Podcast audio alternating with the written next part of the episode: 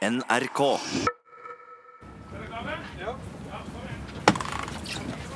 Vi er om bord i Boy Leslie. En flott restaurert seilkutter i tre. 79 fot lang, 6 meter bred. Gaffelrigget med storseil og mesan, baugspryd og klyvere. Nå heises et kjempestort rødt storseil mens vi forlater Grandbrygga i Arendal. Og så tar det, Dere må ha med den sida. Ja, ennå. Fire-fem flinke ungdommer er med som frivillig mannskap. Og kaptein er styreleder i Fartøyvernforeningen, statslos Bjørn Abrahamsen. Her må ting gå unna i riktig rekkefølge. Skjøter og fall skal løsnes og settes. Og det er kun muskelkraft som gjelder. En gang til. Kom an. Én, to og.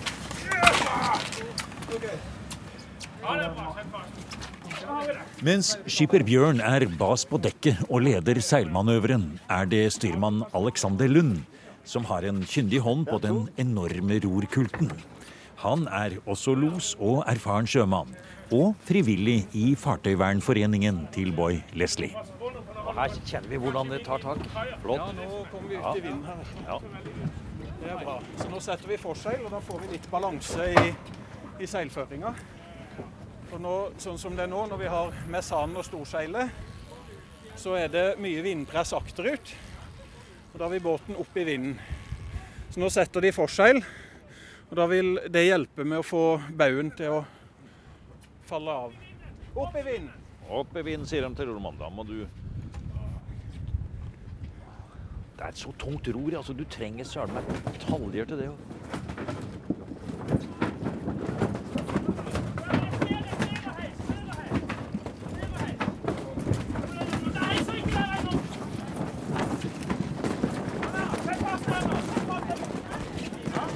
Ja, det er bra. Sett fast. Fast, det er bra. Fint. Så faller vi av til styrbord. Ting skjer litt fort. Når det må skje, så må det skje. Det er jo en skikkelig seilmanøver. Så bare hold godt opp mot eh, Så vi er sikre på at vi har høyden. Sånn. Så bra! Det Så gikk jo så utrolig bra. Eh, Seilmanøver inne i pollen, Ja. og med kurs mot Galtesund. Ja. Og kapteinen var jo ikke noe tvil om hvem det var. Nei, det var visst meg, ja. ja. Men du ser, det er, det er litt Det må litt krefter til, altså. Ja. Eh, Det er jo ei, ei ganske stor skute eh, som en tidligere kanskje hadde en Eller en hadde en dampvinsj til å hjelpe seg med. Eh, Den har vi ikke lenger. Eh, Og da blir det litt tyngre, det hele. Det gjør det. Og det er mye krefter i henne også. Eh, Hun er jo bygd for å seile med trål. Og ha det kraftoverskuddet som skulle til for å dra en tolv meter lang bom på tvers gjennom vannet. Og når man da slipper å dra på den trålen, så får man det igjen i er krefter til med fart, ja. Så nå skal vi ut og prøve å se. Ja. Når vi kommer oss ut forbi her og slipper fri av land. Om ikke vi kan få litt fart i henne. Så faller av litt. Grann, eh.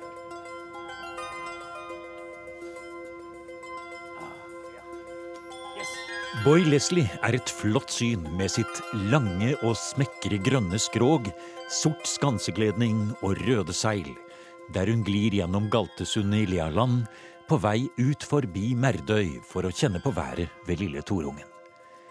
Det må kanskje ha vært akkurat sånn skuta så ut da den ble bygget i England i 1911. Etter mange forskjellige livsfaser har nå Boy Leslie blitt restaurert og gjenoppbygget for 14 millioner kroner med sterk støtte fra Riksantikvaren. Og resultatet har blitt litt av en skarpseiler, sier kaptein Bjørn Abrahamsen. Som ikke er uvant med både sju, åtte og ni knop hvis vinden står riktig. Og hvis du presser henne, så tror jeg nok du greier 11 og 12 knop også. Eh, så, men vi hadde over ti knop i alle fall her om dagen eh, når vi var nede og seilte regatta i Danmark. Ja, og da kom dere jo hjem med selve seieren i, i lasta. Ja, da hadde vi seieren som vi be- forsvarte da fjorårets seier i vår klasse. Så den har vi tatt to år på rad nå, og det er Limfjorden Rundt, som er en samling med 60 skuter, sånn pluss-minus. Eh, hvor eh, alle ja, fra størrelse tremastere, som er større enn denne, og ned til små åpne joller.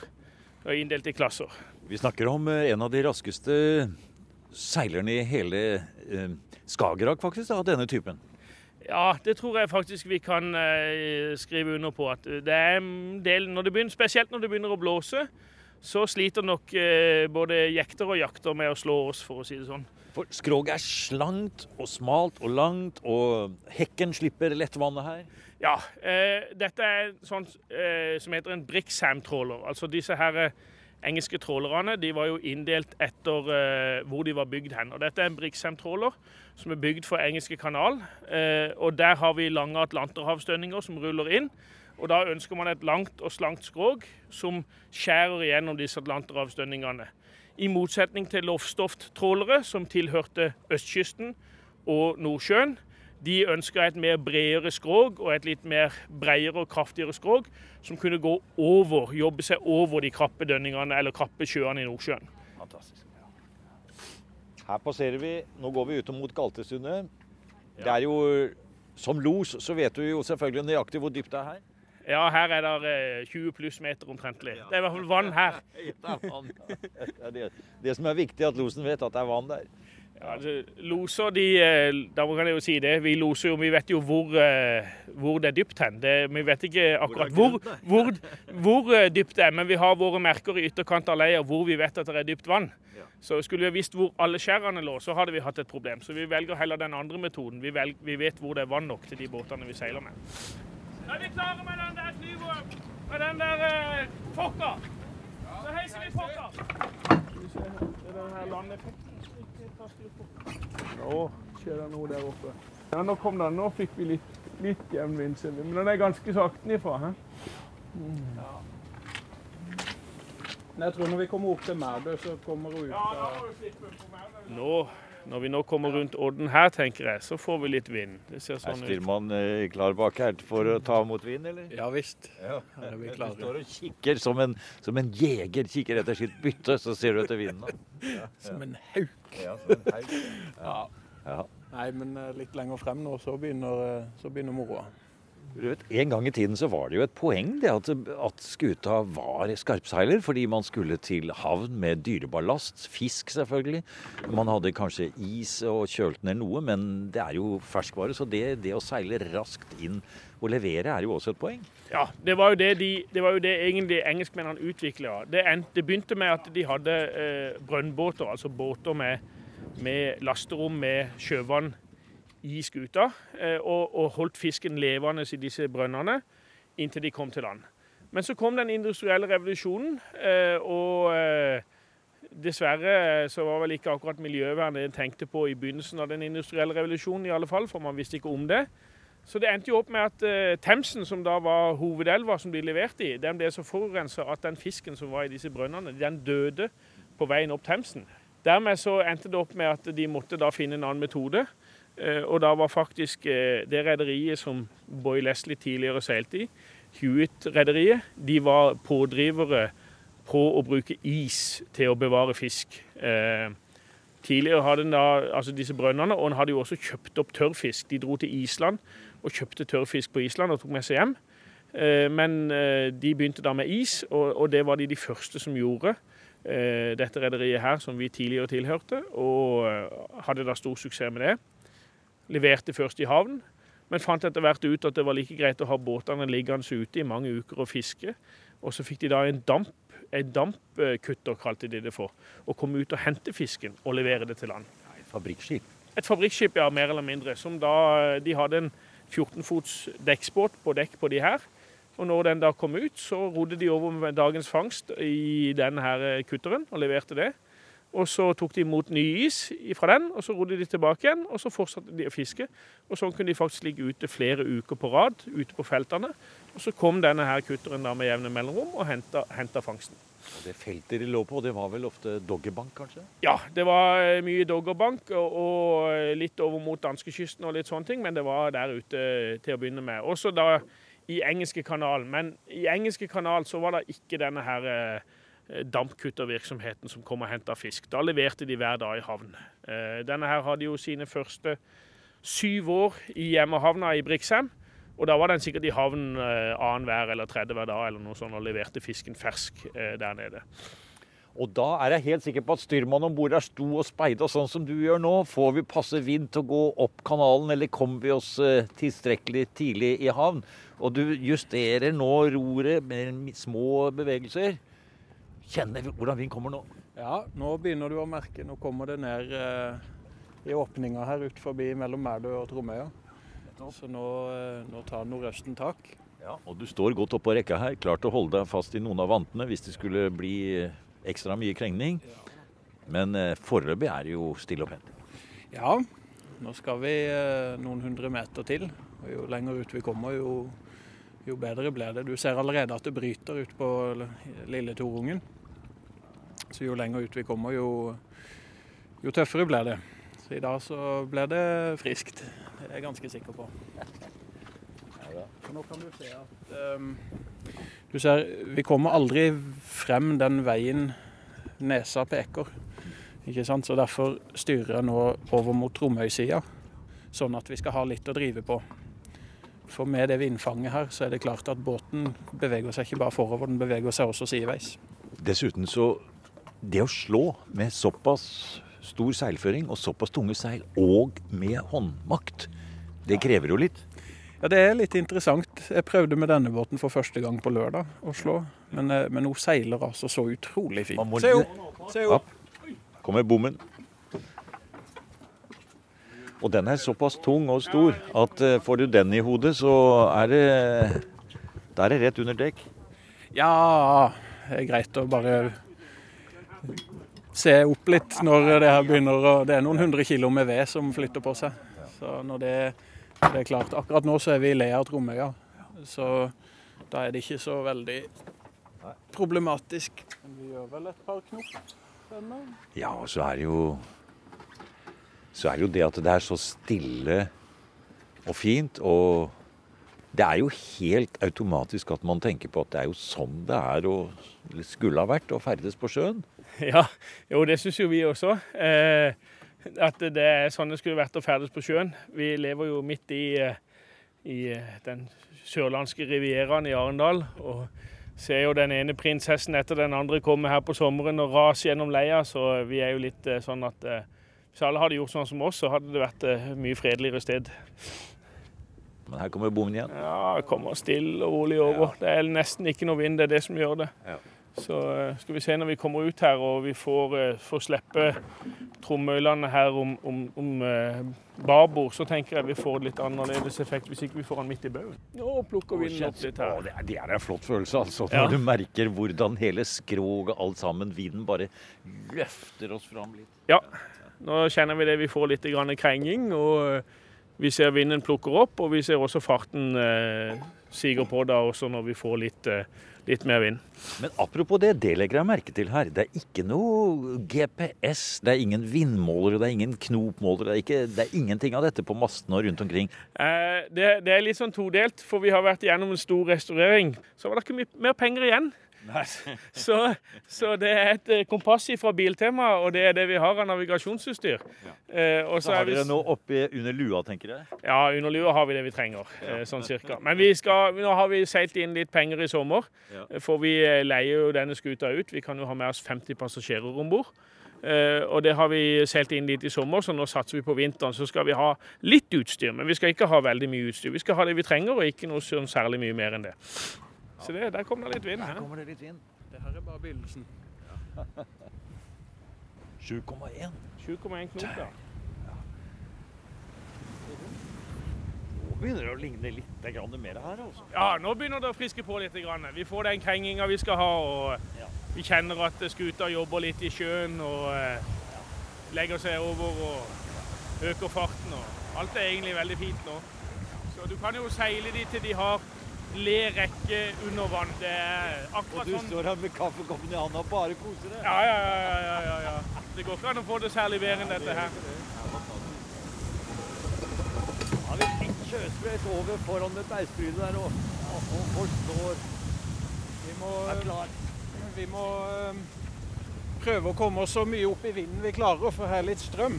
Så nå står jeg og styrer egentlig og bare prøver å føle på hvor langt opp vi tør å ta henne.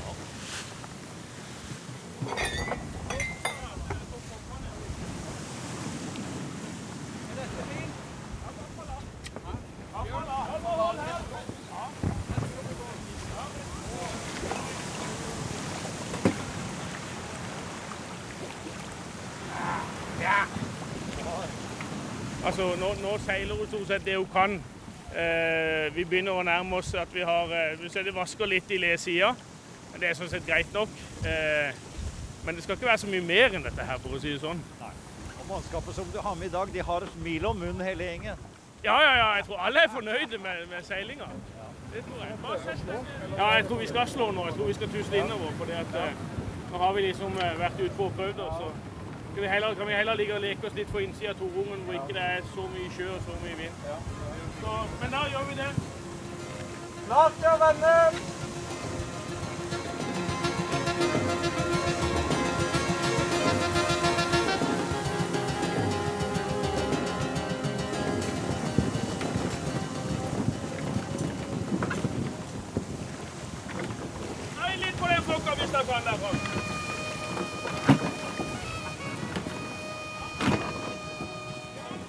Skipper Bjørn Abrahamsen, styrmann Alexander Lund og hele det unge mannskapet på Boy Leslie står med smil om munnen på dekket og klarer brasene med glans. Seilene skal pakkes, og snart er det vinteropplag. Og det er viktig å føre kunnskapen videre, sier skipper Bjørn. Du kan si det sånn. Eh, det jeg nå vært den gjengen som jeg sett meg på, på regatta for ei uke siden, så hadde jeg nesten ikke sagt et ord nå, for å si det sånn, for da hadde alt dette her vært innhøvd allerede. Ja. Men det er jo sånn er det. Noen ganger må være den første. Ja, ja. Og, og, Og det er eh, jo litt av poenget med denne det er litt båten. av poenget med båten også, og det er en opplæringsbåt. Og, og vi skal også sørge for at vi viderefører den immaterielle kulturarven. Altså det kunnskapen om å seile en sånn båt. Og eh, hvis du ser her, så er det jo ikke så veldig, akkurat så veldig mange pensjonister i denne gjengen her. Vi er, Nei, det er unge mennesker. det er unge mennesker, og det, har vi, det er en bevisst satsing vi gjør også. Det er det at vi gjerne vil være Vi skal ha det videre til neste generasjon. Så, eh, så vi er veldig interessert i det, at vi skal ha videre kunnskapen til, til en ny gjeng. Sånn at eh, når vi blir gamle, så er det en ny gjeng som overtar. Det er jo en skute som har vært i forening i snart 40 år nå som fartøyvernsprosjekt. og Det er et ganske gammelt fartøyvernprosjekt. Så det har jo vist at den har evnen til å, å fornye seg jevnlig på mannskapssida. Helt klart. Ja, ta ut skjøten og større fokka, og så skal jeg springe ut. Men da må du tre den andre veien. Ja, må, nei, ta ut den, ja. Og så setter du i Og en ting som gjør opplæring og rekruttering av nytt mannskap så viktig, er at denne fartøyvernforeningen ikke er en del av et museum eller en offentlig institusjon. Dette er kun frivillige ildsjeler, organisert som en vanlig forening. Under dekk er det et flott lite arkiv som viser Boy Leslies historie, og hvordan eierforhold og utseende har vært i de forskjellige fasene av veteranbåtens historie. Der var eh, jerngenuan taus. Ja. Da har du sett så flott det er eh, restaurert her. Da er vi nede i, på Banjern, får vi nesten si, under dekk, da. ja. Og det er eh, Akkurat det rommet vi er i nå, det er jo da aktersalongen vår, eller mannskapslugaren. Og den er faktisk bygd etter de gamle tegningene som er i eh, boka 'Seiling Trålers'. Og så er det jo køyer, ja, på hver side. Ja. Og vi kan jo også se den indre kledningen av skuta. Kraftige ting. Å, der fikk du tak i boka, vet du. boka. Den, ja. Det er liksom Bibelen om bord her, det, da. Det er vår bibel, ja. Og det Ja. kaller faktisk også Bibelen. Ja. Og her, her står egentlig hele historien om de seilende trålerne. Og produserte Og her ser jeg det er velbrukt. Den er velbrukt, ja. For denne her er jo et oppslagsverk om, om det hele. Vi har på mange måter fasiten åssen eh, båtene så ut. Og, og det er jo også denne skipstypen er jo også en av de mest veldokumenterte sånn skriftlige som vi har. Her ser du, her har vi til og med størrelse og lengde på, på tauverk og blokker og. Ja, ja. og hvordan det skal føres. Og alt det samme står egentlig her. Så du kan, du kan faktisk bygge en hel båt. Ja. Og her ser du seilføringen. Du bretter ut store sånn midtbrettsark her, hvor du har Gjennomskjæringstegninger, dekkstegninger. Alt er med her. Ja. Men det er en ting jeg lurer på, Bjørn, når det gjelder denne enorme, store, nær så klassen av båter som dette er. Det må jo ha vært tusenvis av dem. For å si det sånn, når tiden var ute for denne type båter, så var det så mange igjen. Ja, det er riktig. Eh, engelskmennene, Det sies at det ble bygd 5000 av de i England. Eh, denne typen her i litt varierende størrelser. Og de hadde jo også eh, mindre fartøy. De hadde disse drivgangsfiskerne som fiska etter sild og makrell. Og de hadde også faktisk da oyster dredgers som, som, eh, som fanga østers. Så eh, alle sammen hadde betegnelsen smack, altså som da er et fiskefartøy. Og, og Boy Leslie og den gjengen i denne størrelsen, det var da Big Smacks. Altså de store, de store fiskefartøyene. Hvor mange mann kunne det være om bord her når de var ute på Doggerbank? Her var de da altså, sies det, five man and a boy. Altså de var fem voksne fiskere. Og så hadde de med seg en gutt til sånn forefallende arbeid. Og det sies vel at han gjerne kanskje var nede i 12-13-14-årsalderen. Altså sånn ja, konfirmasjonsalder. Det var vel den tida han begynte å jobbe i året i England. Eh, men, men det som vi kan i alle fall si, det er egentlig det at etter første verdenskrig så var det en brutal nedgang, og det lå eh, holdt på å si hundrevis av de rundt forbi i havnene. De ble de rett og slett bare forlatt. Da kom eh, nordmennene eh, og så det at dæven, her ligger det jo fine, flotte skuter som vi kan bruke på norskekysten, som var relativt nye. Mange av de var bygd eh, slutten av 1800-tallet. Og var da så nye, sterke fartøy, og helt annerledes enn det som man hadde på norskekysten i den perioden der. Og de kjøpte opp. og De kjøpte faktisk opp i en periode fra da, hvis vi strekker det langt, 1890 til sånn ca. rett før andre verdenskrig var det vel helt slutt. Boy Leslie kom jo i 39, så den kom jo veldig seint til Norge. Så, ehm, så, eh, ble det kjøpt inn om snakket om 700 båter. I Norge fikk de nye liv, mange av de. Eh, men de første, de, de første som kom, de gikk over i makrellfiske med, med dorging og linefiske etter makrell. Eh, og, og, gjorde det i ganske mange år. Eh, så fant man også ut at ja, hvis man eh, nå modifiserer de litt, så kan de også brukes som fraktefartøy. Og, og, Det er også litt sånn i europeisk sammenheng, for det er ikke så mange seilende tråler igjen. Det er ikke så mange seilende fiskerifartøy igjen i hele Nord-Europa som er tilbakeført og, og, sånn sett originale. Så vi, i et større bilde, så er Boy Leslie en representant for hele Nordsjøbassenget og den kulturhistorien som ligger i hele Nordsjøbassenget. Og, og ut ifra det perspektivet, sånn felleseuropeisk maritim kulturarv, så er det veldig riktig at Boy Leslie er tilbakeført som seilende tråler. Men Bjørn, jeg må si det at det er veldig imponerende det du forteller. Det store arbeidet dere legger ned. Og båten her er jo helt fantastisk. Og her sitter vi altså nede under dekk og ser hvor fint det har blitt her, med køyene og i aktersalongen som vi sitter i nå. Og det er en salong til. Og det er jo helt fantastisk, og båten seiler jo som bare den. Eh, da må man nesten spørre hva er det som driver deg? Du er jo en sjøens mann, men allikevel. Dette jo Dette gjør du fordi at det er mer enn bare en hobby? Ja, det, det, det gjør en jo selvfølgelig. Det er jo det blitt sånn litt mitt, uh, mitt, lille hjertebarn, eller hva man skal si for noe. Altså, jeg, jeg leda jo for foreningen som styreleder den store restaureringa i da Ja, det ble jo åtte år.